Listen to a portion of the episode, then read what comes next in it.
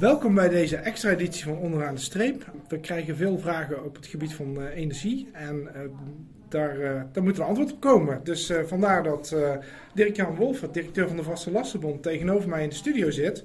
En met hem gaan we kijken wat, er, wat we allemaal gaan doen op energiegebied bij de Vaste Lastenbond.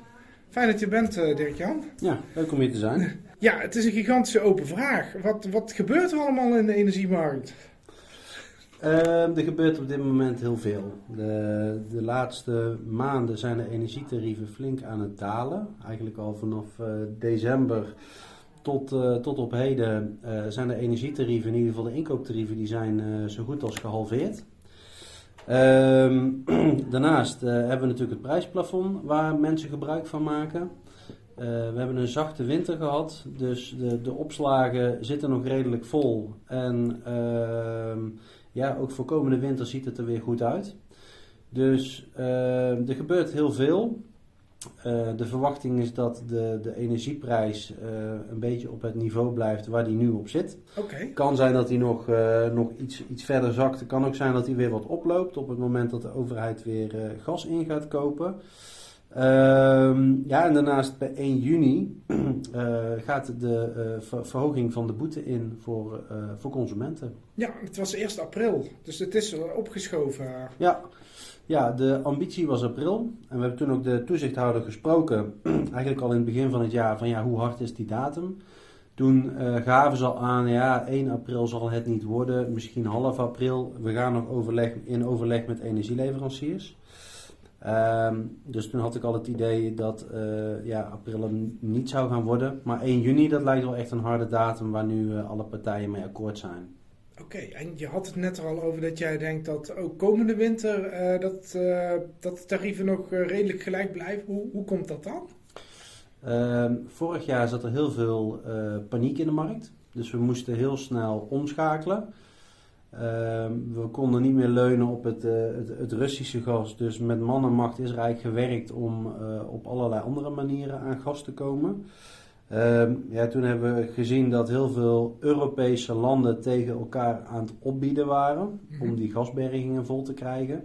En toen waren ze relatief eh, leeg, dus er moest ook veel ingekocht worden.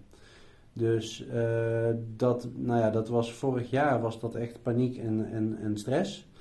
Uh, en dit jaar is dat minder, want nu zijn we gewend aan de situatie. Uh, we kunnen beter vooruitkijken. We hebben een zachte winter gehad. Uh, ja, dat zijn eigenlijk allemaal wel tekenen dat, dat we niet meer de paniek terug gaan zien die we vorig jaar eh, hebben gezien. Verwacht jij nog eh, iets vanuit de Aziatische markt? Dat daar misschien meer eh, vraag naar LNG is bijvoorbeeld? Ja, die verwachting is er wel. Ehm, door de lockdowns in China afgelopen winter uh, was de vraag naar energie in China uh, extreem laag.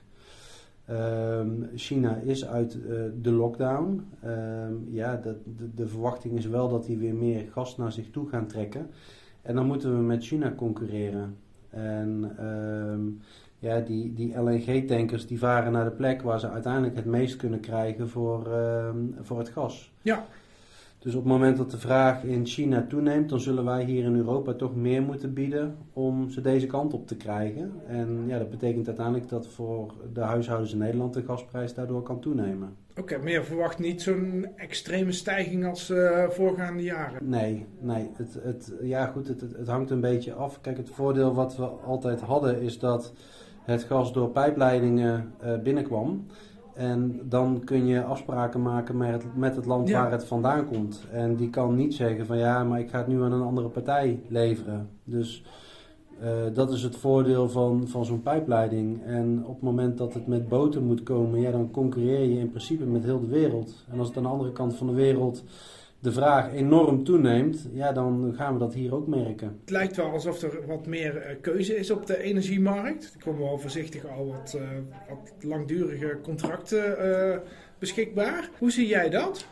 Eén jaar vast, dat is eigenlijk het langste wat er op dit moment wordt aangeboden. Naast één jaar vast heb je ook nog een half jaar vast, variabel per kwartaal, per maand en dynamisch. Dus er is een enorm aanbod van verschillende type contracten. Het is fijn dat er weer aanbod is, dat er ook weer één jaar vastcontracten zijn. Het is wel een enorme chaos. Want er is voor consumenten is het heel moeilijk om eruit te komen. Ja, de, de, de, eh, ze, ze, ze vinden het moeilijk om te weten van ja, wat moet ik nu kiezen nu er weer, wie er, nu er weer aanbod is. Want de een zegt van hé, je moet een dynamisch energiecontract nemen. De Ja. andere zal zeggen ja, maar een half jaar vast is nu heel erg goedkoop. Ja, dat enorme overaanbod aan verschillende type contracten, dat maakt het voor de, de consument niet makkelijk. Dus het is fijn dat het, er weer, het er weer is. Het is fijn dat je weer kunt overstappen en daardoor kunt besparen. Ja. Want de variabele energietarieven van de meeste energieleveranciers zijn nog niet aangepast. Dus de meeste mensen zitten nu nog op een heel duur variabel tarief. Ja, en die kunnen met een overstap eh, eh, veel besparen op hun energielasten. En, en mensen die nou eh, een, een, een jaarcontract hebben, zeg maar, en zien dat de prijzen ook dalen, wat, wat zou je die adviseren? Ehm, ik zou ze adviseren om de, te- ja, eh, enerzijds hun contract onder de loep te nemen. Dus tegen welke tarieven hebben ze dat afgesloten? Ehm, daarnaast is het verstandig om te kijken of dat ze onder of boven het prijsplafond zitten. Als ze onder het prijsplafond zitten, dan eh, ja, hoeven ze eigenlijk niks te doen. Dan kunnen ze niet besparen door over te stappen. Ehm, zitten ze boven het prijsplafond, ja, dan, moeten ze, moet, dan zouden ze dat even goed moeten uitzoeken. Ehm, bijvoorbeeld wat eh, de boete is bij overstap. Eh, of er misschien nog een welkomstkorting of een cashback eh, bij dat contract geboden wordt. Ja, en wat, een overstap, wat overstappen ze dan oplevert. Dus dat is, dat is best wel lastig als mensen dat willen uitzoeken. Maar ze kunnen altijd contact met ons opnemen, met de Vaste Lastenbond, om het, eh, om het samen te bekijken. En we hebben hier experts die kunnen gewoon precies uitzoeken eh, of het nut heeft of niet. Wanneer verwacht je dat de situatie in de energiemarkt weer eh, gestabiliseerd is? Dat, het weer, dat je het bijna normaal zou kunnen noemen? Ja, het is eigenlijk de afgelopen weken is het wel gestabiliseerd. Dus we hebben een, een flinke daling gezien en de laatste weken is de prijs stabiel. Dus af en toe loopt het een beetje op. Dan, eh, dan wordt het weer wat duurder, dan wordt het weer wat goedkoper. Op dit moment is het weer iets gestegen. Maar eh, ja, de, de situatie is nu eigenlijk eh, wel stabiel. Wat adviseer je klanten die een contract van gewone energie hebben afgesloten en zien dat de tarieven nu heel erg gedaald zijn? Ehm, ik adviseer ze om, als ze dat willen bespreken, het contract, dat ze contact kunnen opnemen. Eh, maar we gaan ook alle mensen informeren. Dus per, eh, per klant gaan, eh, krijg je daarover informatie ehm, wat je het beste kunt doen. Oké. En dat, dat is gewoon telefonisch of per mail? Ehm, in principe ehm, krijgt iedereen de informatie per mail. En op het moment dat we mensen laten overstappen, dan nemen we nog even telefonisch contact op. om, om, om het uit te leggen. Oké, nou hartstikke duidelijk. Dankjewel eh, Dirk-Jan, dan weten we hoe het ervoor staat. Graag gedaan.